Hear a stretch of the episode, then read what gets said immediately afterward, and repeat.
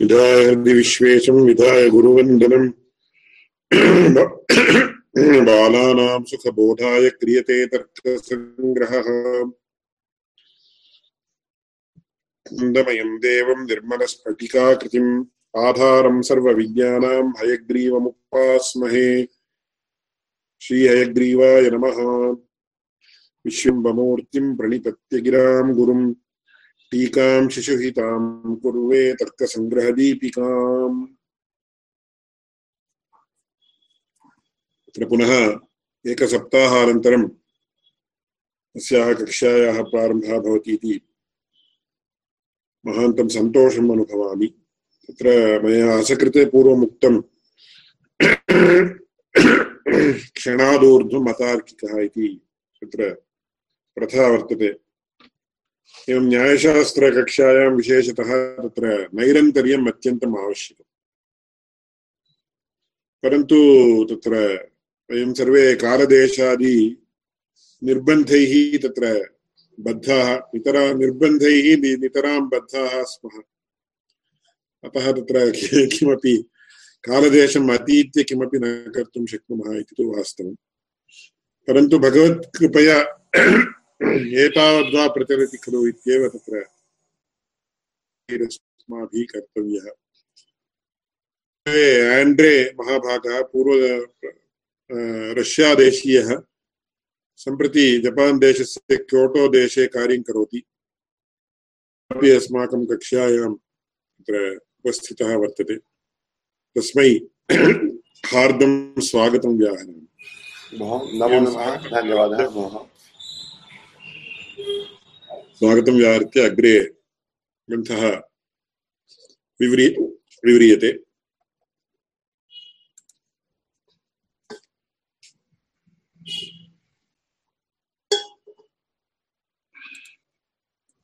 एतावत्पर्यन्तं तत्र दीपिकाग्रन्थानुरोधेन निधाय हृदि विश्वेशम् इति पद्यस्य या व्याख्या सा अस्माभिः दृष्टा सम्प्रति तदुपरि सामान्यविशेषसमवायाभावाः सप्तपदार्थाः इति तत्र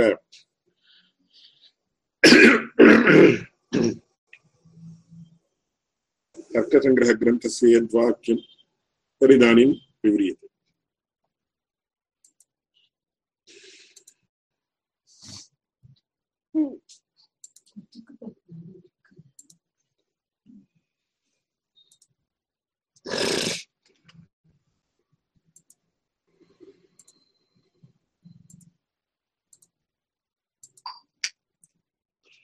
पदार्थान् विभजते द्रव्येति इति।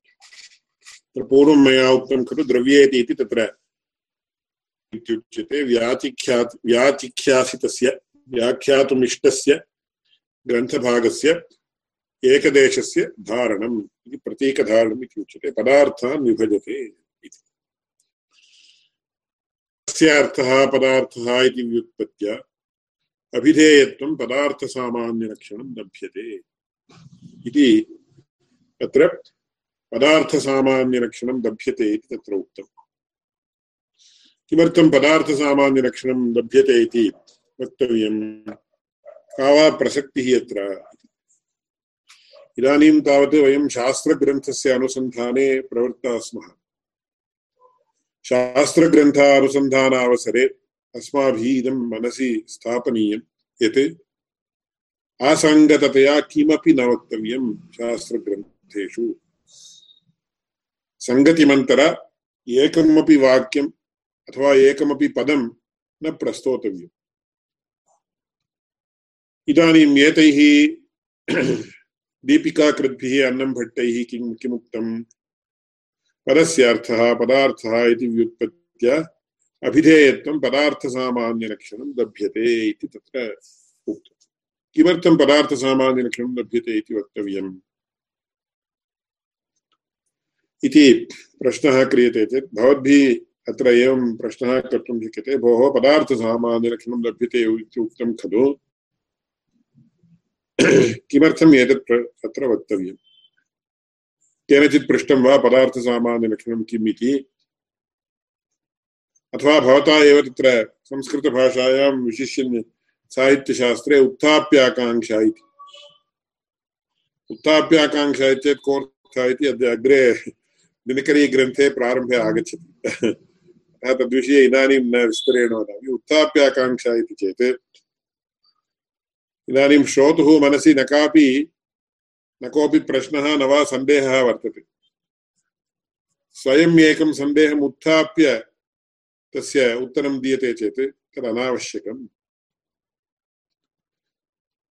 लौकिकव्यवहारे तु केचन यथा जाताः भवन्ति। यथा जाताः अथवा यथा जातप्रज्ञाः भवन्ति। चेत् तेषां प्रज्ञा कीदृशी भवति चेत् तेषां प्रायः पञ्चाशत् वा षष्टिवर्षादि षष्टिवर्षपरिमितं वयः भवति चेदपि। ते तावत्, तेषां प्रज्ञा तावत् पञ्चवर्षीयबालकवत् भवति। इदानीं तेषां संस्कृतभाषायाम् अन्यः शब्दः वर्तते, उत्तानप्रज्ञः उत्तानप्रज्ञः इत्येत् अतीव प्रज्ञा तस्य वर्तते। इति उत्तानप्रज्ञानां कृते इति तत्र संस्कृतभाषायां ग्रन्थेषु लिख्यते। तद्वत् भवद्भिः अन्नम्भट्टैः किमर्थं पदार्थसामान्यलक्षणं लभ्यते इति उक्तम् पदार्थसामान्यलक्षणं किम् इति अस्माभिः पृष्टं वा? अथवा भवद्भिरेव उत्थाप्य आकाङ्क्षा इति उच्यते, खलु? तथा पृष्टं वा इति चेत्। तत्र एवं विचारः वर्तते। नाम विशेषलक्षणम् विभागो नाम विशेषलक्षणम्। विशेषलक्षणं वक्तव्यं चेत् प्रथमं किं ज्ञातव्यं? सामान्यलक्षणं ज्ञातव्यम्। यथा इदानीं अतीव उत्तमः कश्चन अश्वः वर्तते इति चिन्त्य चिन्तयामः। यथा अश्वशास्त्रदृष्ट्या तत्र देशेषु बह्व्यः अश्वजातयः वर्तन्ते। भारतदेशे तावत् काथियावाड् हार्स् इति उच्यते चेत् तस्य अतीव प्राशस्त्यं भवति। अथवा तत्र शुनां विषयः स्वीक्रियते चेत्। तत्र लेब्रडार् इति उच्यते, तत्र आल्सेशन् इति उच्यते, जर्मन् शेपर्ड् इति उच्यते। ह्यः अस्मा, मया तावत् अस्माकं सम्बन्धिनां गृहं प्रति गतमासीत्। तत्र पञ्चमासात्मकः कश्चन श्वा तत्र आसीत्। तैः उक्तम् अयम् अतीव तत्र अस्य पञ्चमासीयस्य अस्य चत्वारिंशत् सहस्ररूप्यकाणि भवन्ति। मया उक्तं सर्वे श्वानः मया एकरीत्या दृश्यन्ते, कथं मया ज्ञायते एतत् चत्वारिंशत् सहस्र मूल्यात्मकम् इति। तदानीं तैः उक्तं, भवद्भिः तु शुनां विषयः न ज्ञायते। ये तत्र ज्ञातुं प्रभवन्ति, तैः ज्ञातुं शक्यते। इति चेत् कोऽर्थः? येन सामान्यलक्षणं सम्यक् ज्ञातुं शक्यते, तेन विशेषलक्षणं ज्ञातुं शक्यते। सामान्यलक्षणमेव न ज्ञायते चेत्। इदानीं जर्मन् शेपर्ड् इति किं? लाब्रडार् इति किं? तत्र अल्सेशन् इति किम्? इति इदमेव न ज्ञायते चेत्। तत्र अल्सेशन् मध्ये एतादृशलक्षणविशिष्टः अयं श्वा इति कथं ज्ञायते? अतः प्रथमं सामान्यलक्षणं ज्ञातव्यम्। सामान्यलक्षणम् उक्त्वा एव विशेषलक्षणम् इति गन्तव्यम् तत्र इदानीं पदार्थविभागः इति उच्यते चेत् विभागः इत्येतत्। पुनः तत्रापि। विभागः इत्येतत् विशेषेण भागः।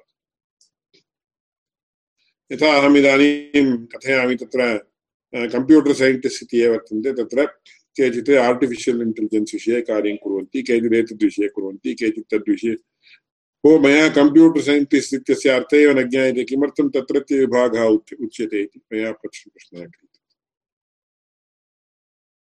अतः विशेषेण भागः नाम। विशेषलक्षणं कदा वक्तव्यं? सामान्यलक्षणं ज्ञायते चेदेव विशेषलक्षणकथनस्य औचित्यम्।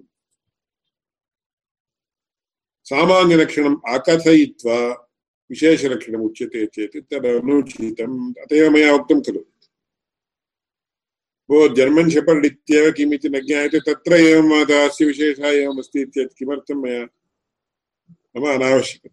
इति खलु उच्यते। प्रकृतेपि स्थान् विभजते द्रव्यमिति इति अत्र ग्रन्थभागं पश्यन्तु। अत्र द्वितीय पैराग्राफ् मध्ये द्रव्यगुणकर्मसामान्यविशेषसमवायाभावाः सप्तपदार्थाः इति मूलम्। तस्य व्याख्यानं पदार्थान् विभजते द्रव्येति। अनुपदमेव किमुक्तं? पदस्य अर्थः, पदार्थः इति व्युत्पत्त्या पदार्थसामान्यलक्षणं लभ्यते। अत्र एकैकस्मिन्नेव वाक्ये बहुधा विचारस्य अवकाशः वर्तते। इदानीं प्रथमतया एवं विचारः क्रियते। द्रव्यगुणकर्मसामान्यविशेषसमवायाभावाः सप्तपदार्थाः इति उक्तं खलु। अत्र पदार्थशब्दः प्रथमं वक्तव्यः। कुतः इत्येते तत्र उद्देश्यविधेयभावः इति किमपि वर्तते संस्कृतभाषायां। सर्वास्वपि भाषासु भाषासु वर्तते। यथा इदानीं मित्र मम पुरतः इयं लेखनी वर्तते। इयं का इति ज्ञायते वा इयं लेखनी इति उच्यते मया इयं लेखनी इति उच्यते चेत् अत्र अंशद्वयं वर्तते इयम् इति एकः एकं पदं लेखनी इति एकं पदम् इयम् इति शब्दस्य कोऽर्थः इयम् इति पदं तावत् इदं शब्दस्य स्त्रीलिङ्गान्तं प्रथमा स्त्रीलिङ्गे प्रथमाविभक्ति एकवचनान्तं रूपम् इदं शब्दस्य कोऽर्थः इदन्त्वेन ज्ञातं यत्। इदन्त्वेन ज्ञातम् इति। इदन्त्वेन ज्ञातम् चेत् पुनः किं नाम इदन्त्वम् यः कोऽपि वक्तुं प्रभवति। किं नाम इदन्त्वम् यत् समीपे वर्तते। पुरतः समीपे इदमः प्रत्यक्षगतम् अप्रत्यक्षम्। प्रत्यक्षगतम् इत्यर्थः। तत्र इदमः प्रत्यक्षगतं पूर्वमेव मया एकवारम् उक्तम् इति मन्ये। समीपतरवर्ति च एतदो रूपम् अदसस्तु विप्रकृष्टं तदिति परोक्षे विजानीयात् इति तत्र श्लोकः वर्तते, प्रसिद्धः। इदमः इत्येत् इदमः प्रत्यक्षगतम् इत्येत् इदं शब्दस्य प्रयोगः यत्र क्रियते, तत्र प्रत्यक्षगतम् तावन्मात्रमर्थः। समीपतरवर्ति च एतदो रूपम् एतते इति उच्यते चेत्। पदार्थद्वयं वर्तते। इदानीम् इदं शब्दः अनयोः पदार्थयोः उभयोरपि विषये प्रयोगः, प्रयोक्तुं शक्यते मया। कुतः उभयोरपि प्रत्यक्षगतत्वात्। परन्तु अनयोर्मध्ये अस्य उपनेत्रपट्टिका, उपनेत्रपेटिका, उपनेत्रपेटिकाः, पेटिकायाः विषये वक्तव्यं चेत् एषा इति वक्तव्यम्। कुतः मद्दृष्ट्या, भवतां दृष्ट्या तु अधः इति असौ इति वक्तव्यम्। कुतः भवतां दृष्ट्या तावत् लेखनी उभयोरपि प्रत्यक्षगतत्वात् इदं शब्दप्रयोगः उभयोरपि विषये कर्तुं शक्यते। परन्तु भवतां दृष्ट्या लेखनी एषा इति भवति, इदम् असौ इति भवति। मदीयदृष्ट्या तावत् अयं पदार्थः असौ इति निर्देशयोग्यः भवति एषः इति निर्देशयोग्यः भवति, लेखनी तावत् असौ इति। अद अधशब्दस्य स्त्रीलिङ्गान्तं रूपं किम्? अधशब्दस्य स्त्रीलिङ्गान्तम् असौ इत्येव असौ एव असौ एव असौ अमु अमूः इति वा किञ्चित् सत्यं सत्यम् अतः तत्र असौ इति वक्तव्यम् अतः प्रत्यक्षगतत्वे सति समीपतरवर्तित्वम् इति एष एतत् शब्दस्य अर्थः प्रत्यक्षगतत्वे सति विप्रकृष्टत्वं दूरवर्तित्वम् अधशब्दस्य अर्थः तदिति परोक्ष एकमेव वस्तु वर्तते चेत् एतत् शब्दस्य वा अधशब्दस्य वा तत् शब्दस्य वा प्रयोगः न कर्तव्यः वा? प्रायेण न आङ्ग्लभाषायाम् उच्यते स्ट्रिक्ट्लि स्पीकिङ्ग् न कर्तव्यम्। कुतः चेत् तत्र? समीपतरा इति दूरतरा समीपतरा इति कदा? वस्तुद्वयमस्ति चेत् खलु तत्र। कुतः इमौ आपेक्षिकशब्दौ अतः स्ट्रिक्ट्लि स्पीकिङ्ग् न कर्तव्यम्। आङ्ग्लभाषा स्ट्रिक्ट्लि स्पीकिङ्ग् इति उच्यते। अत्र वास्तवतया किम् अभिप्रायः कः इत्येत् इदानीं संस्कृतभाषायां भूतकालस्य द्योतनार्थं त्रयः लकाराः वर्तन्ते। अनद्यतनभूते लङ् लकारः अद्यतनभूते लङ् लुङ् लकारः परोक्षभूते लिट् लकारः इति वर्तते। यथा अद्य प्रातः मया मम एतस्याः व्यक्तेः सन्दर्शनम् अभूदिति वक्तव्यम्। कुतः अद्यतनभूतम्, अद्यतन इत्येतत् अद्य प्रातरारभ्य एतावत्पर्यन्तं यः यद् भूतकालं वर्तते तत् तद्, तत् वर्णनीयं चेत् चेत् तदानीं लुङ्लकारः प्रयुक्त प्रयोक्तव्यः। ह्यः अथवा अस्मात् पूर्वतनवर्षे मया अहं गतवान् अगच्छम् इति तत्र वक्तव्यम्। अगच्छम् इति तत्र लङ्लकारस्य प्रयोगः कर्तव्यः। यदि परोक्षम् इत्येतत् मया न रामः तत्र परोक्षे लिट् मया रामः कृतयुगे इति मया ज्ञातं न ज्ञातम्। अतः परोक्षभूतमिति लिट्लकारः प्रयोक्तव्यः इति प्रायेण। कुतः चेत् तत्र? एवं स्ट्रिक्ट्लि एवं प्रयोगः न क्रियते कैश्चिदपि। तदुपरि तत्र सामान्यभूतमिति उच्यते चेत् रामः अरण्यं प्रति गतवान् इति उच्यते। अथवा क्तप्रत्ययान्ततया कृदन्तप्रयोगाः क्रियन्ते यथेष्टम्। अरण्यं प्रति रामः गतः इति क्तप्रत्ययान्तं रूपम्। अतः पुनः कृदन्तप्रयोगक्रमः अन्यादृशः। क्रियापदेष्वेव लकारप्रयोगक्रमः अन्यादृशः। परन्तु तत्र स्ट्रिक्ट्लि स्पीकिङ्ग् एवं कर्तव्यम्। एवं रीत्या व्यवस्था विहिता अस्ति। परन्तु रामायणे एवमस्ति वा, महाभारते एवमस्ति वा इत्येतत् तत्र तैरपि तत्र सन्दर्भानुगुणं कृतं भवेत्। तत्र भट्टिकाव्यम् इति किञ्चित् काव्यं वर्तते। भट्टिकाव्यं किमर्थं? भट्टिकाव्यमिति भट्टिः इति कविः, महाकविः सः तद्विषये अन्या का अन्यः कश्चन श्लोकः वर्तते इदानीं तत् मास्तु सः किं किमकरोत् चेत् तत्र केवलं लक्ष्यप्रदर्शनार्थमेव तत्र रामायण कथामादाय भट्टिकाव्यम् इति एकां काव्य एकं काव्यं रचयामास तत्र रामायणस्यैव कथा वर्तते तत्र काव्ये अभूनृपो विबुधसकः परन्तपः बुधान्वितो दशरथैत्युदाहृतः सनातनो भुवन भुवनहितच्छरेणयम् किञ्चित्। सनातनः पितरमुपागमत् स्वयम्। इति सर्वत्र प्रथम प्रथमसर्गे सर्वत्र लुङ्लकारस्य प्रयोगः अनन्तरम् एकस्मिन् सर्गे केवलं लङ्लकारस्य, अनन्तरम् एकस्मिन् सर्गे केवलं लिट्लकारस्य। इति व्याकरणशास्त्रे थीमेटिक् रूपेण तेन लक्ष्यप्रदर्शनं भट्टिकाव्ये कृतम् इति अत्यद्भुतं तत्। अतः व्याकरण व्याकरणजिज्ञासूनां कृते लक्ष्यप्रदर्शनार्थं भट्टिकाव्यम् असकृते तत्र उल्लिख्यते। एवं सिद्धान्तकौमुद्यामपि कथं तर्हि इति बहुषु स्थलेषु एवं भट्टिना प्रयोगः कृतः खलु कथमेतद्युज्यते इति विषये सम्यक् विचारः क्रियते।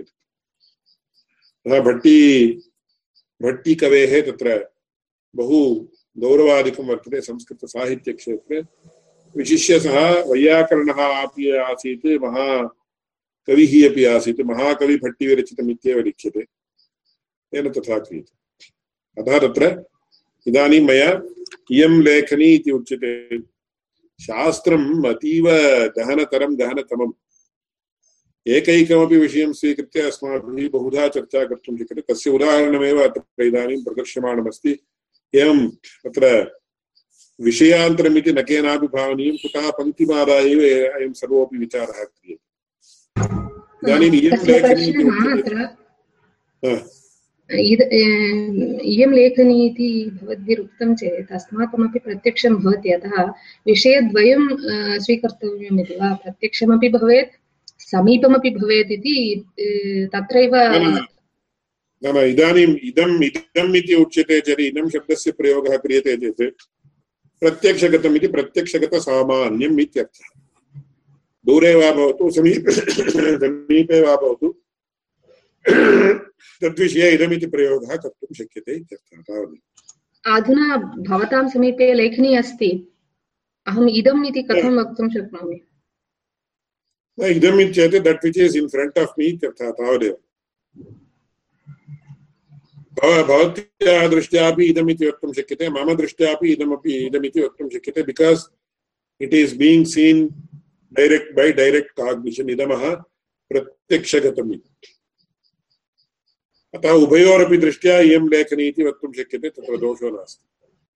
अत एव मया उक्तम्, इदं नाम प्रत्यक्षगतसामान्यम्। Generally that which is in front of me are you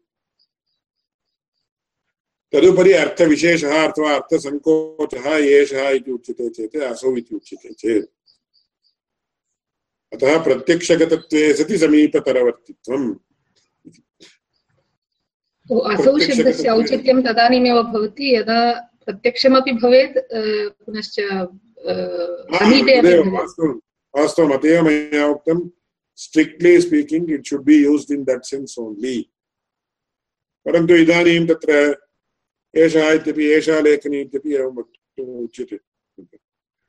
परन्तु तत्र किञ्चित् एषा इति शब्दस्य इदम् इत्येव अर्थः। कुतः तत्र दोषो नास्ति।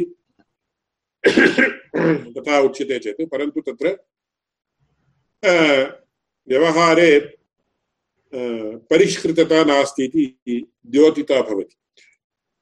यदा अस्माभिः व्याकरणनियमानुरोधेनैव प्रयोगः क्रियते तदानीम् अस्माकं ज्ञानं परिष्कृतं वर्तते इति ज्ञायते। अस्माकमपि ज्ञायते इतरेषामपि ज्ञायते।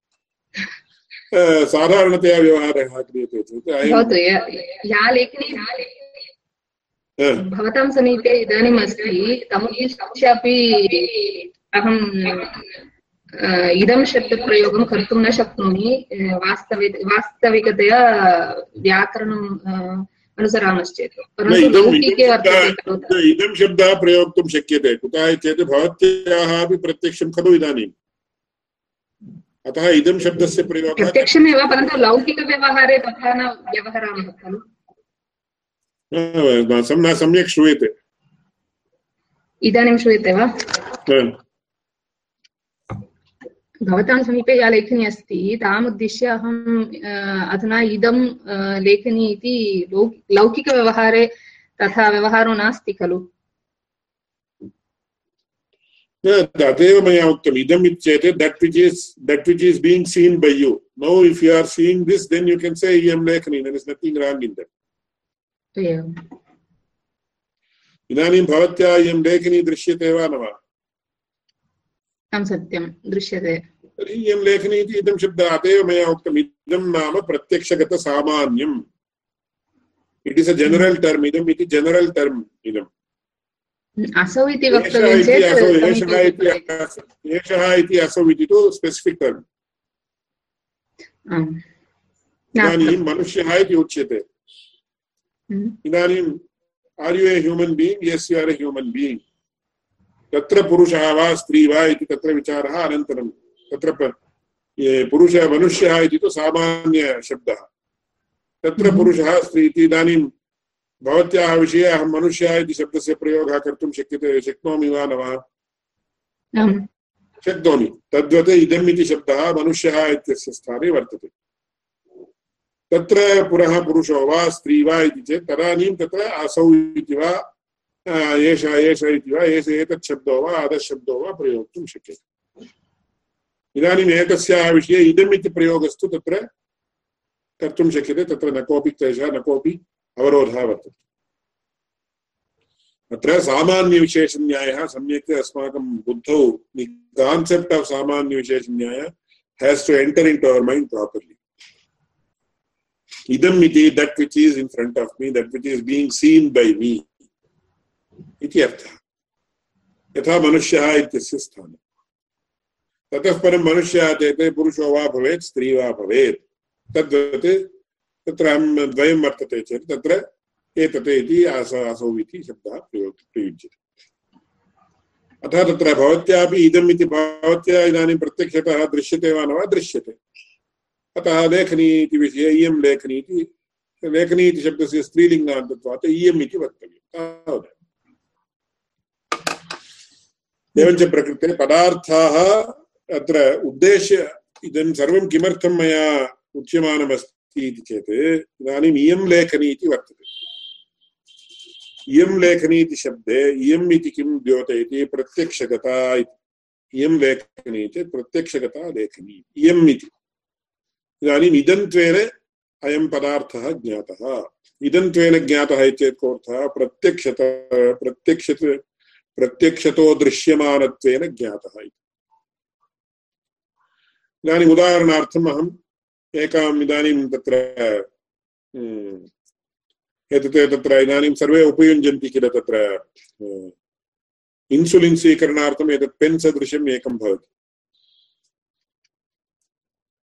येषां तत्र डयाबिटीस् वर्तते ते तत्र इन्सुलिन् स्वीकरणार्थं लेखनी सदृश सदृशीं सदृशम् एकम् उपकरणम् उपयुञ्जन्ति तदानीम् अहं पश्यामि इदम् इदं तादृश उपकरणम् इति चिन्त्यताम् तदानीम् इयं लेखनी वा इति पृच्छामि चेत् इयं न लेखनी इयम् इन्सुलिन् स्वीकरणयन्त्रम् इति अथवा इन्सु इन्सुलिन् स्वीकरणोपयु उपयुज्यमानम् उपयुज्यमानः पदार्थविशेषः तदानीम् इदं त्वेन मया तज्ज्ञातम् इन्सुलिन् उपकरणत्वेन मया न ज्ञातम् अतः अत्र किं भवति उद्देश्यं नाम ज्ञातं सते यत् ज्ञाप्यते सः उद्देश्यः अज्ञातं सते यत् ज्ञाप्यते सः विधेयः अतः तत्र नियमेन सर्वस्मिन्नपि वाक्ये उद्देश्यविधेयभावः सामान्यतया भवत्येव यथा रामः सुन्दरः इति वाक्यं स्वीकुर्मः रामः कः इति ज्ञातं चेत् तदानीं रामः सुन्दरः इति कथनं युज्यते। कुतः रामः रामः इति का व्यक्तिविशेषः कोऽपि, पुरुषविशेषः कोऽपि ज्ञातः, सः कीदृशः इत्येतत्? सः सुन्दरः इति। अस्य विषये मया पूर्वमपि उक्तं, रामम् उद्दिश्य सौन्दर्यं विधीयते तत्र यदि ह्यः आवाभ्याम् अथवा अस्माभिः कश्चन सुन्दरः पुरुषः ह्यः दृष्टः सः कः न ज्ञायते। तदानीं भवद्भिः कः प्रश्नः क्रियते? ह्यः एकः अतीव सुन्दरः पुरुषः दृष्टः खलु सः कः इति। ओ, सः सुन्दरः पुरुषः रामः इति। चेत् रामम् अतः इति सुन्दरः तत्र सुन्दरसौन्दर्यम् उद्दिश्य सुन्दरम् उद्दिश्य रामत्वं विधीयते सुन्दरत्वेन सः परिचितः अस्माकं रामत्वेन न परिचितः अतः सुन्दरः रामः इत्यस्य रामः भाति परन्तु वास्तवतया एकार्थत्वं नास्ति सम्पूर्णतया नास्ति यद्यपि तत्र विशेषणविशेषभावः इति क्रियते चेत् रामः एव विशेष्यवाचकशब्दः। विशेषणं, सुन्दरत्वं विशेषणम्। अतः रामः सुन्दरः इति उच्यते चेत्, सुन्दरः रामः इति उच्यते चेत् उभयोः अर्थ, अर्थभेदः नास्ति इति तद्दृष्ट्या। उद्देश्यविधेयभावदृष्ट्या तु उभयोः महदन्तरं वर्तते। तथा रामः इति पुरुषविशेषः ज्ञातश्चेत् सः सुन्दरः इति अज्ञातं चेत् तदानीं रामः सुन्दरः इति ज्ञानम् इति वाक्यं प्रयुक्तं भवति। सः सुन्दरः कश्चित् इति ज्ञात, ज्ञातं चेत् रा सः रामः इति न ज्ञातं चेत् सुन्दरो रामः इति उच्यते तदानीम्। प्रश्नः कः इत्येत्? तत्र द्रव्यगुणकर्मसामान्यविशेषसमवायाभावाः सप्त पदार्थाः इति वक्तव्यम् इति उक्तम् अन्नं भट्टेन वास्तवतया इदं दोषग्रस्तम्। कुतः दोषग्रस्तं भो पदार्थः इत्येव न ज्ञातम्। प्रथममेव विभागः क्रियते चेत् कथमिदं युज्यते। अतः किं कर्तव्यम् इति चेत् तत्र उद्देश्यविधेयभाव सामीचीन्यसम्पादनार्थम् अस्माभिः पदार्थाः द्रव्यगुणकर्मसामान्यविशेषसमवायाभावाः सप्त इति योजना कर्तव्या नो चेत् पदार्थस्यैव अज्ञातत्वे। पदार्थः इत्येतदेव न ज्ञातं। साक्षात् भवद्भिः विभागः प्रदर्श्यते चेत् कोऽर्थः? अत एव मया क्षुनामुदाहरणम् अन्यरुदाहरणम् एतदुदाहरणं सर्वं प्रदर्शितम्।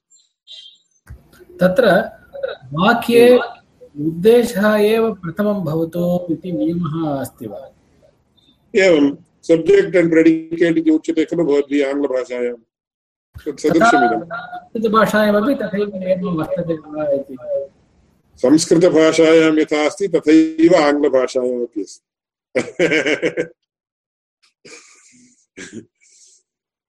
अतः तत्र सर्वत्रापि ज्ञातांशः प्रथमं वक्तव्यः अज्ञातांशः अनन्तरं वक्तव्यः आल्वेस् इट् इस् उद्देश्यस्य विधेयस्य च निर्वचनं पुनरुच्यताम्। ज्ञातुं सत् ज्ञातुं सत् यत् ज्ञाप्यते तदुद्देश्यम्। उद्देश्यं वा उद्देश्यः ज्ञातं सत् यत् ज्ञाप्यते सः उद्देशः इति वास्तवतः उद्देशः। अज्ञातं सत् यत् ज्ञाप्यते सः विधेयः। अतः ज्ञातांशं सर्वत्रापि बोधने अपि तत्र from the known to the unknown इति उच्यते। प्रत्येकस्मिन्नपि वाक्ये एवं वर्तते। एकैकमपि वाक्यं यत्र वृत्तपत्रिकायां विद्यमानं वाक्यमपि भवन्तः परीक्षन्तु। प्रथमतः ज्ञातांशः वर्तते। अनन्तरं for example Modi said in his independence speech dash dash dash Modi इति कश्चन ज्ञातः अस्माकं। मोदी सेट् इति उच्यते चेत् तत्रापि मोदी इति ज्ञातः। सः सेड् इति चेत् सः किमपि उक्तवान् इति अज्ञातम् अस्माभिः। यदि सेड् इति उच्यते तदानीम् ए, किं भोः? कः? इति आकाङ्क्षा तिष्ठ उत्तिष्ठति। अतः मोदी इत्येतत् मोदी इति प्रैम् मिनिस्टर् आफ् इण्डिया अस्ति, सः उक्तवान्। किमिति उक्तवान्? किमपि वाक्यम्? उक्तवान् मोदी इति चेत् तत्र संस्कृतभाषादृष्ट्या एतद् युज्यते, सविचारः अन्यः। मोदी उक्तवान् इति, उक्तवान् मोदी इति अनयोः व्यत्यासः नास्ति। परन्तु पुनः तत्र योजनं कर्तव्यम्। उक्तवान् मोदी इति शब्दः इति वाक्यमस्ति चेत् अस्माभिः किं योजनां परिवर्तयित्वा अस्माभिः अर्थः ज्ञायते। मोदी उक्तवान् कुतः चेत् this is the way human mind works भाषायाः तत्र अस्माकं बुद्धेः कार्यकरणप्रकारस्य च व्यत्यासः वर्तते। अतः अत्र प्रथमम् अयमेव आक्षेपः, बहु उद्देश्यविधेयभावः विपर्यस्तः अस्मिन् वाक्ये। कुतः? द्रव्यगुणकर्मसामान्यविशेषसमवायाभावाः सप्त पदार्थाः तथा नास्ति। प्रथमं पदार्थः इति किमपि उक्त्वा, भो पदार्थः इति कश्चित् वर्तते सः सप्तविधः इति वक्तव्यम्। तदानीं किं कर्तव्यं वो योजनायाः परिवर्तनं क्रियताम्। किमिति पदार्थाः? द्रव्यगुणकर्मसामान्यविशेषसमवायाभावाः इति। तदुपरि आक्षेपः। तर्हि पदार्थाः सप्तविधाः इति उच्यते, पदार्थाः सप्तविधाः इति उक्तं खलु। सप्तविधा इति विभागविशेषलक्षणम् विशेषलक्षणं कदा वक्तव्यं? सामान्यलक्षणकथनानन्तरं वक्तव्यम्। सामान्यलक्षणमेव न उक्तं खलु। अतः सामान्यलक्षणम् अनुक्त्वा विशेषलक्षणं प्रति गच्छामश्चेत् कथं बोधः भवति? भो पदार्थशब्दस्यैव अर्थः न ज्ञातः। सप्तविधा इति उच्यते खलु। इति चेत् तदानीम् अत एव व्याख्यायाम् उच्यते तत्र पदस्यार्थः, पदार्थः। पदस्यार्थः, पदार्थः इत्येतत् कोऽर्थः? पदजन्यप्रतीतिविषयः। पदजन्यप्रतीतिविषयः इत्यर्थः इदानीं लेखनी इति शब्दम् अहं वदामि। लेखनी इति शब्दस्य श्रवणानन्तरम् अस्माकं मस्तिष्के कश्चन बोधः भवति। भवति वा न वा भवति बोधो नाम ज्ञानं पदजन् प्रतीतिः नाम ज्ञानं प्रत्ययः इति शब्दस्यापि ज्ञानम् इत्येव अर्थः न्यायशास्त्रे। व्याकरणशास्त्रे प्रत्ययः इत्येतत् तत्र सुप सुबारिप्रत्ययः इति उच्यन्ते न्यायशास्त्रे तथा नास्ति। प्रतीतिः प्रत्ययः इति चेत् सर्वेपि तत्र गत्यर्थकधातवः, प्रतीतिः इत्यत्र इङ् गतौ इति धातुः, प्रतीति उपसर्गः। प्रत्ययः इत्यत्र अयगतौ इति धातुः, प्रतीति उपसर्गः। अतः प्र प्रतीतिः, प्रत्ययः इत्यत्रापि सर्वत्रापि ज्ञानम् इति, उपलब्धिः इति, प्राप्तिः इत्यस्मिन् अर्थे वर्तते, उपोपसर्गपूर्वक प्राप्तौ इति। तत्र गत्यर्थकानां धातूनां ज्ञानार्थकत्वम् इति कश्चन नियमः अग्रे सर्वम् आगच्छति इदानीं मास्तु। अतः तत्र एते सर्वे अपि ज्ञानवाचकाः, बोधः, उपलब्धिः, बुद्धिः इति सर्वं बुद्धिरुपलब्धिर्ज्ञानम् इत्यदर्थान्तरम् इति आगच्छति। अतः तत्र एवं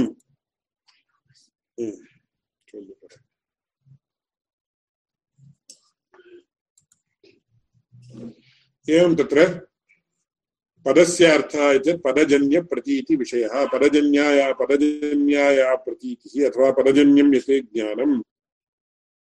तादृशज्ञाने विषयः यः, स एव पदार्थः इति उच्यते। चेत् पदस्य श्रवणेन तत्पदम् अस्माभिः, अस्माकं परिचितं चेत् तेन पदस्य श्रवणेन कश्चन पदार्थस्मरणं जायते। इति चेत् कश्चन विषयस्य अर्थस्य स्मरणं जायते। सः यः यस्य स्मरणम् अथवा यस्य ज्ञानं जायते, स एव पदार्थशब्देन व्यवह्रियते। लोके वयमिदं पश्यामः यत् न कोऽपि, न किमपि वस्तु अस्ति, यस्य नाम नास्ति। यस्य वाचकः शब्दः नास्ति, तादृशं वस्तु न किमपि अस्ति लोके। एवं न कोऽपि शब्दः। शब्दः अथवा पदं न किमपि पदं वर्तते लोके यत् अर्थ अर्थरहितं भवति। खपुष्पपदम्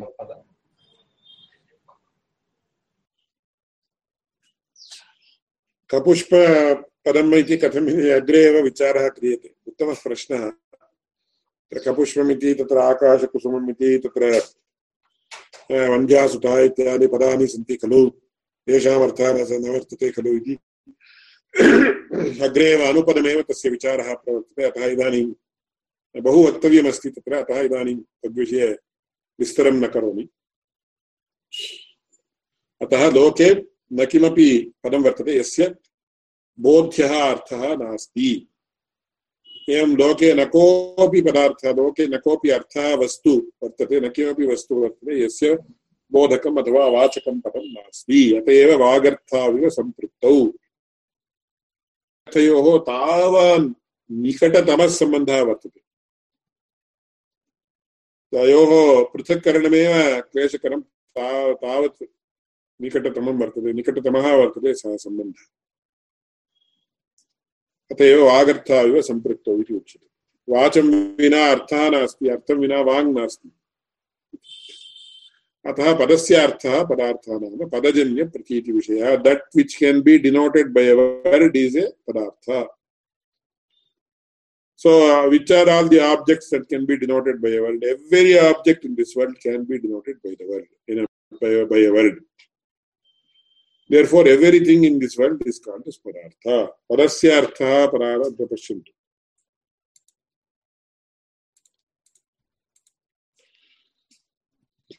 पदस्यार्थः पदार्थः इति व्युत्पत्त्यात् अभिधेयत्वं पदार्थसामान्यलक्षणं लभ्यते अत्र एकैकमपि पदम् अस्माभिः विशिष्य अवधेयं पदार्थसामान्यलक्षणं लभ्यते दि general definition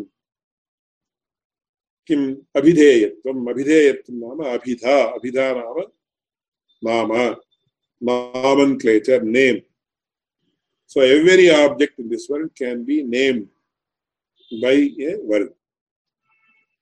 For every object or every entity, object it need not be three dimensional like this. अतएव मया सकृच्यते आकाशः कालः दिक् आत्मा मनः सर्वे abstract entities. But since they can be denoted by words, they are all padarthas only. Because padartha means you should not think that it should have three dimensions or two dimensions. It should have mass, it should have this, it should have that, nothing like that. ते सर्वे नामशब्दाः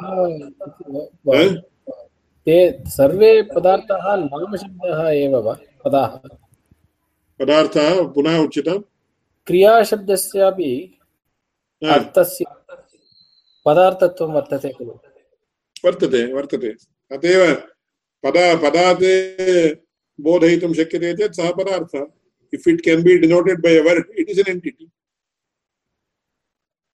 so क्रिया इति चलति इति उच्यते इदानीं चलनम् इति परेण बोधय बोध्यते तस्मात् चलनमपि एकः पदार्थः अतः अतएव मया उक्तम् even object or movement or anything everything that can be denoted by world is an is an entity पदार्थ इत्यत्र सामान्यतः इदं पदार्थमानया इत्येत् it should have three dimensions like this or like this इति निर्बन्धो नास्ति।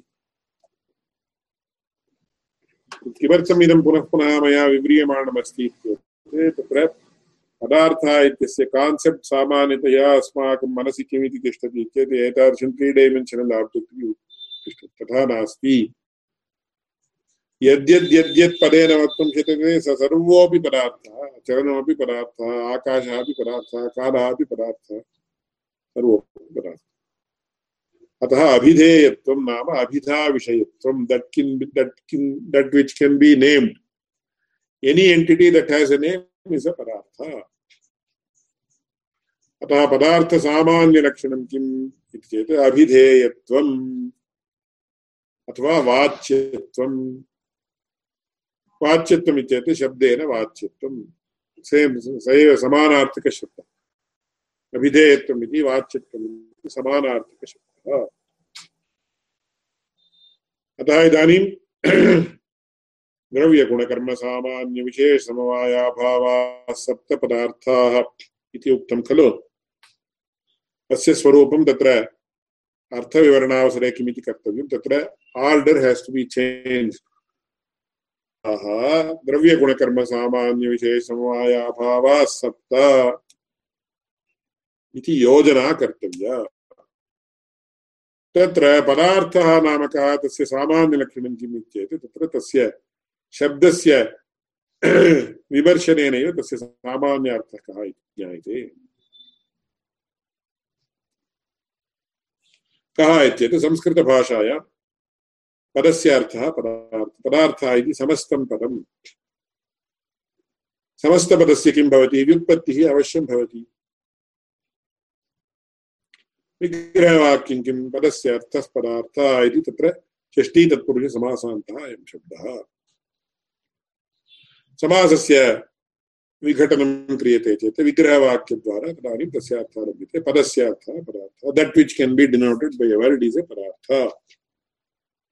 अत एव अन्नम्भट्टैः किमुक्तं पश्यन्तु कियत् तत्र पङ्क्तौ तत्र अस्ति इति पश्यन्तु, पदस्य अर्थः पदार्थः इति व्युत्पत्त्या। व्युत्पत्तिः चेत् समस्तपदस्य खलु व्युत्पत्तिः सामान्यतया उच्यते। तत्र इति व्युत्पत्त्या अभिधेयत्वं पदार्थसामान्यलक्षणम् इति लभ्यते इति।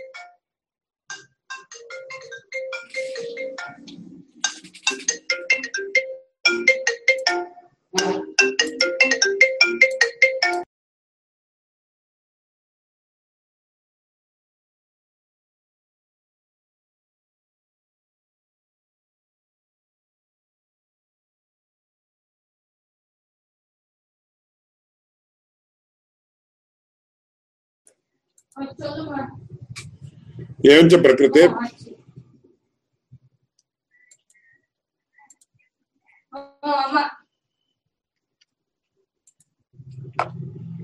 अतः तत्र पदार्थसामान्यलक्षण अभिधेयत्वं पदार्थसामान्यलक्षणम् इति लभ्यते इति प्रश्न इति तत्र प्रथमतः तत्र सामान्यलक्षणम् उक्त्वा अनन्तरमेव विशेषलक्षणं वक्तव्यम्।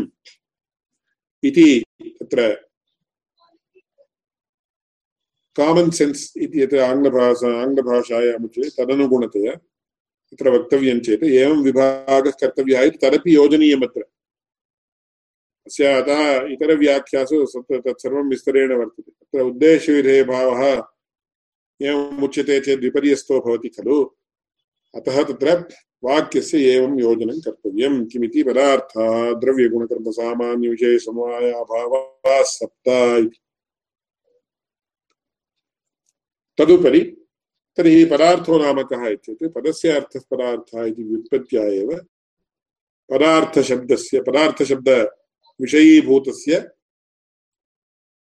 लक्षणं, सामान्यलक्षणम् अस्माभिः ज्ञातुं शक्यते। एवं पदार्थः इति शब्देनैव सामान्यलक्षणस्य उक्तत्वात् अग्रे विशेषलक्षणं, विभागरूपं विशेषलक्षणं यदुक्तं तत् युक्तमेव। विशेषलक्षणकथनं न अयुक्तम् इत्यतः तत्र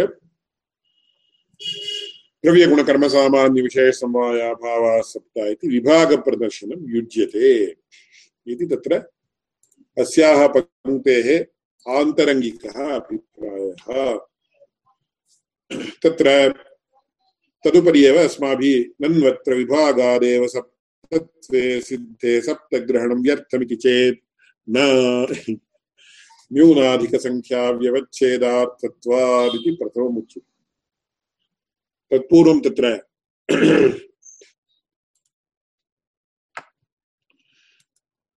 पङ्क्तौ अनुक्तः विषयः कः इत्युक्ते पदार्थाः सप्तविधाः भवन्ति। द्रव्यं, गुणः, कर्म, सामान्यं, विशेषः, समवायः, अभावश्चेति तदुपरि पुनः आक्षेपः तत्र पदार्थाः द्रव्यगुणकर्मसामान्यविशेषसमवायाभावाः इति उच्यते चेदेव अलं खलु। भोः कश्चन प्रश्नः? तत्र यदि इदानीम् उक्तं भवद्भिः विधेय उद्देश्य उद्देश्य विधेयभावः यः वर्तते तत्र कश्चन क्रामः अपेक्षितः अस्ति इति उक्तं भवद्भिः। किमर्थम् अन्नभातेन तत्र परि सः क्रामः योऽयं क्रामः न स्वीकृतः? इदानीम् उक्तं भवद्भिः तत्र वस्तुतः पदार्थः द्रव्यगुणकर्मसामान्य इत्यादि तत् एव तादृक् परिवर्तनं कर्तव्यम् अस्माभिः मनसि वा अथवा कुत्रापि वा। इदानीं किमर्थम् सोऽयं क्रामः न स्वीकृतः? उत्तम उत्तमप्रश्नः तत्र एवं अस्माभिः यदा वार्तालापः क्रियते तदानीं सहजशैली इति काचित् वर्तते। शास्त्रीयशैली इति काचित् वर्तते। सहजतया यदा अस्माभिः उच्यते तत्र, यथा इदानीं मया असकृते इदम् उदाहरणं दीयते। भोः सर्वेभ्यः अद्य स्वातन्त्र्योत्सवः वर्तते। विद्यार्थिभ्यः सर्वेभ्यः तत्र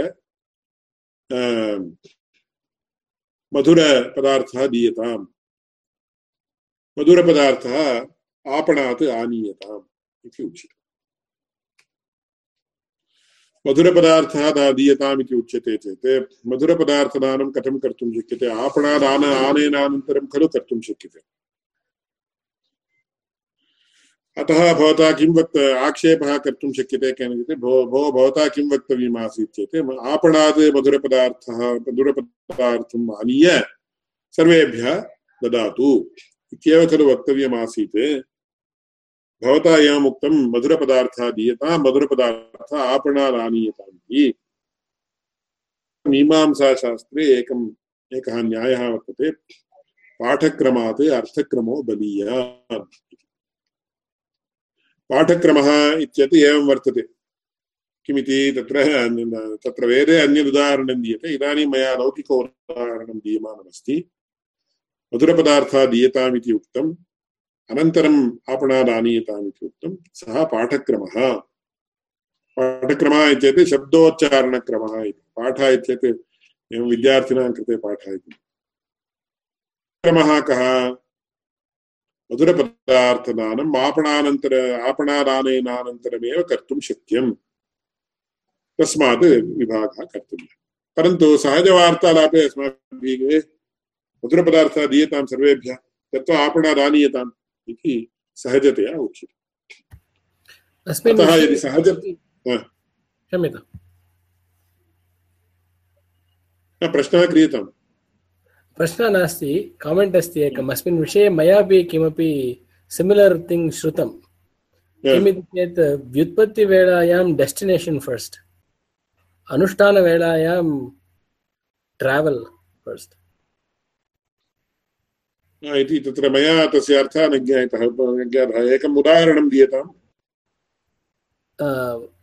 व्युत्पत्तिवेलं यदा कश्चन ट्रावेल् इत्यस्य कः शब्दः? प्रवासः प्लान् क्रियते चेत् प्रथमं डेस्टिनेशन् कुत्र गन्तव्यम् इत्यस्य चिन्ता एव प्रथमं भवति। तदनन्तरमेव कथं गन्तव्यम् इति भवति खलु? एवमेवं समीचीनं समीचीनं वास्तवम् अतः तत्र तत्र सहजतया केन केन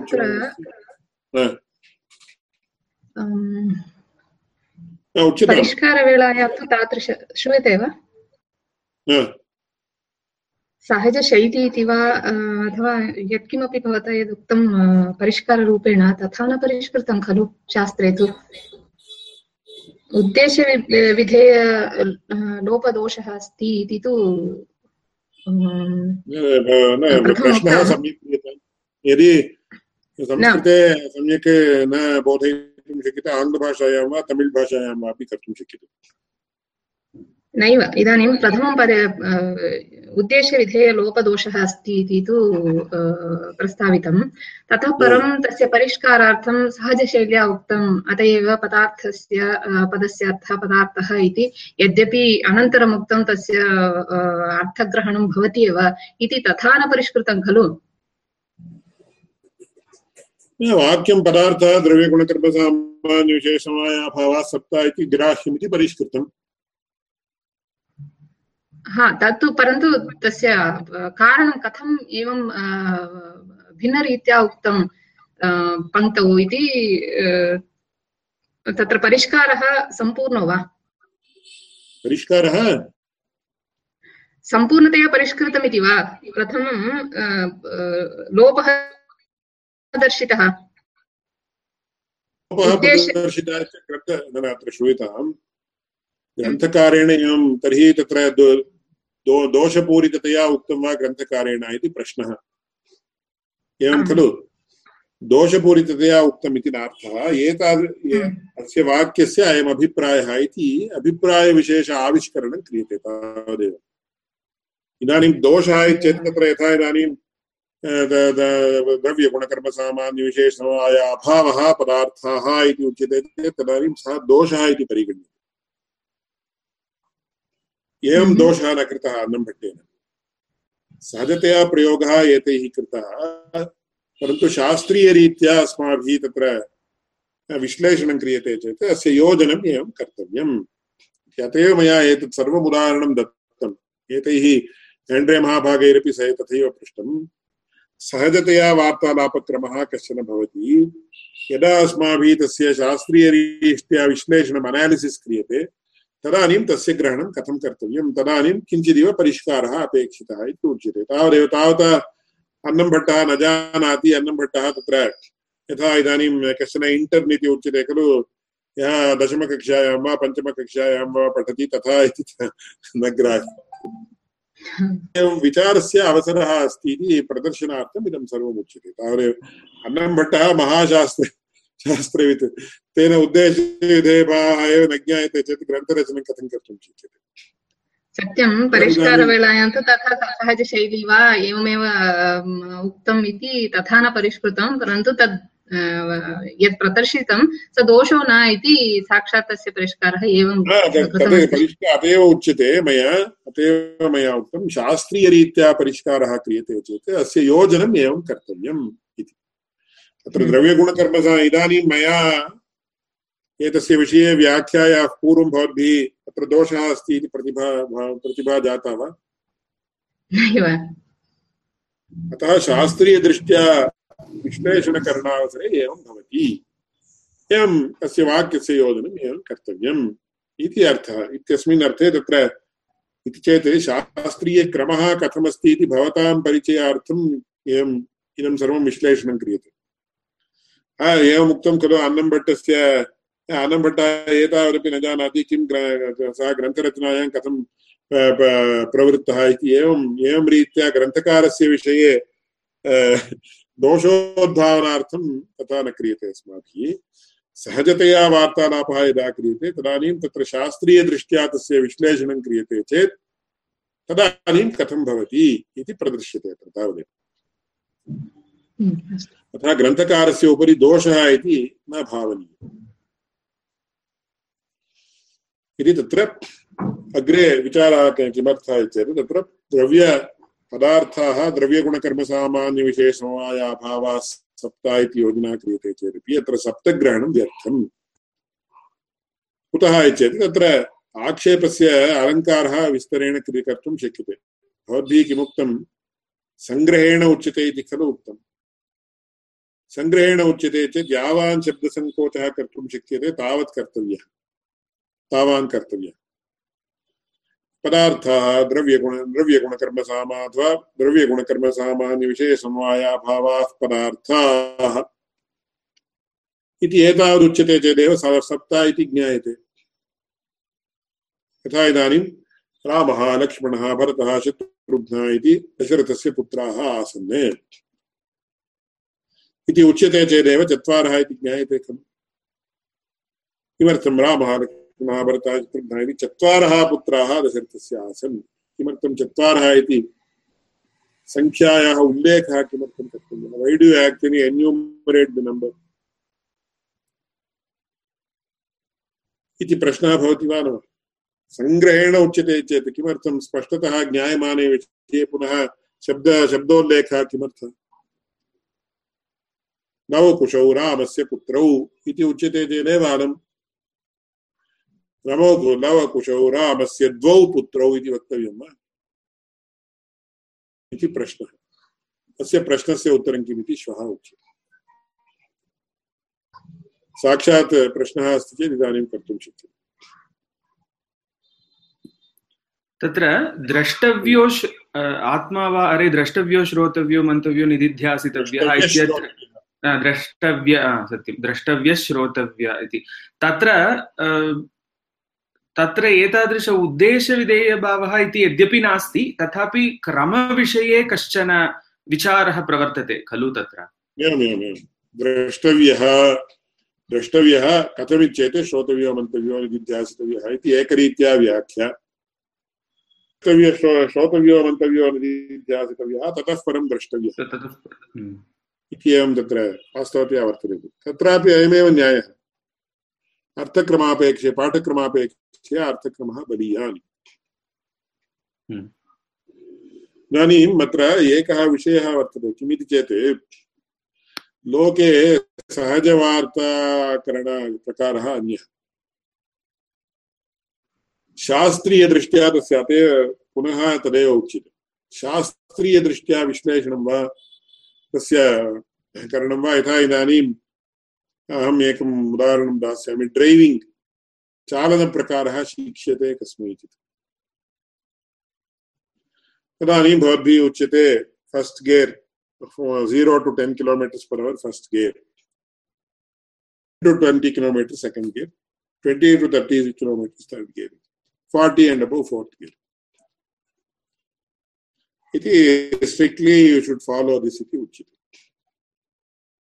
एकः कश्चित् दश पञ्चदश विंशतिवर्षपर्यन्तं सः चालनं कृत्वा अनुभवः जातः कस्यचित्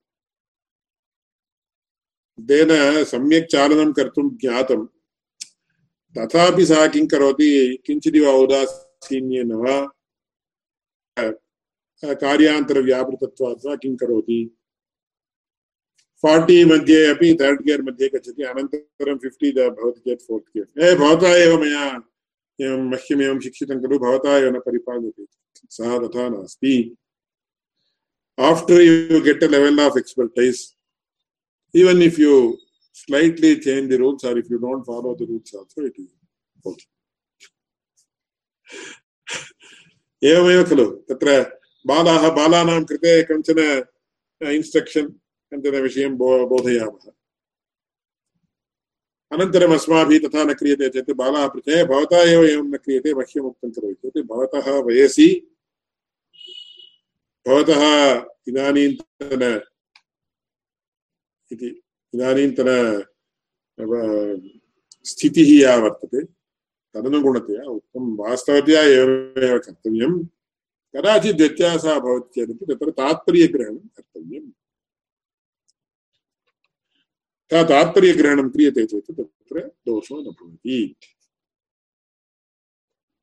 अतः यु शुड् न लेटर् तत्र आरम्भावस्थायाम् एवं strictly it should be like that तत्र अनन्तरं तत्र take the spirit rather than letter take it in spirit rather than in letter इति एतत् बहु समीचीनं वस्तुतः इदानीं व्यक्तिविवेकः इति कश्चन ग्रन्थः ग्रन्थः अस्ति अस्माकं द्वितीयवर्षे। तत्र सर्वदा अनुमानवादे एव सर्वं लीनं भवति इति तस्य वादः अस्ति। इत्युक्ते ध्वनिः इति नास्ति इत्यादिकं। तत्र पुनः ध्वनिविषये सहृदयस्य मुख्यत्वम् अस्ति इति आनन्दवर्धनेन पूर्वमपि उच्यते।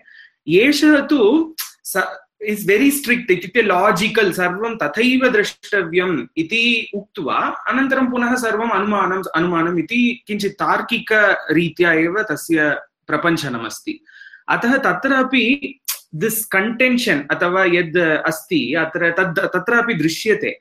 सामान्यतया सहृदयविषये वयं पश्यामश्चेत् यथा भवता उक्तं लोकव्यवहारः इति सहृदयवत्, तत्र एव तस्य अन्वयः। यः अत्र क्रमः अनुसृतः अस्ति एतेन व्यक्तिविवेके वा तादृशग्रन्थेषु तद् तु शास्त्रीयविश्लेषणवत् दृश्यते। अतः तादृश तद् अस्ति इति तत्रापि प्रतिभाति। वास्तवं वास्तवं। बहु समीचीनतया उक्तं तैः तत्रापि उद्दिश्य तत्र विधेय उद्देश्यभावः अनेकदा ध्रियते अनेके श्लोक श्लोकाः तैः परिवर्तितः तत्र महिमभात्येन तत्र उद्देश्यविधेयभावः तत्र न ध्रियते अतः एव यस्य सोऽपि श्लोकः किञ्चित् दुष्टः विशिष्य वास्तवम् आण्ड्री महाभागेन यदुक्तं तत् वास्तवं परन्तु श्लोकविषये तु तत्र अतीव न कर्तुं शक्यः। कुतः चेत् छन्दोनुगुणम् अस्माभिः पदानां निवेशात् तत्र तत्र। अतीव नियम न तावद्युक्तमिति प्रतिभाति अनन्तरं व्यक्तिविवेकः इसो ग्रन्थः एव वर्तते। तत्र अनेकदा आक्षेपाः दृश्यन्ते। श्लोकः इति संस्कृतभाषादृष्ट्या श्लोकः इत्येतत् तत्र सर्वं यत्किमपि पदं यत् यत्र कुत्रापि निवेशयितुं शक्यते। अतः तत्र अतीव नियमकरणं तत्र क्लेशाय कल्पते इति साधारणतया उक्तं मया तावदेव। महिमभट्टेन यदुक्तं तद्विषये अस्माभिः अस्माकं अस्ति एव। अन्यः कोऽपि प्रश्नः अस्ति वा?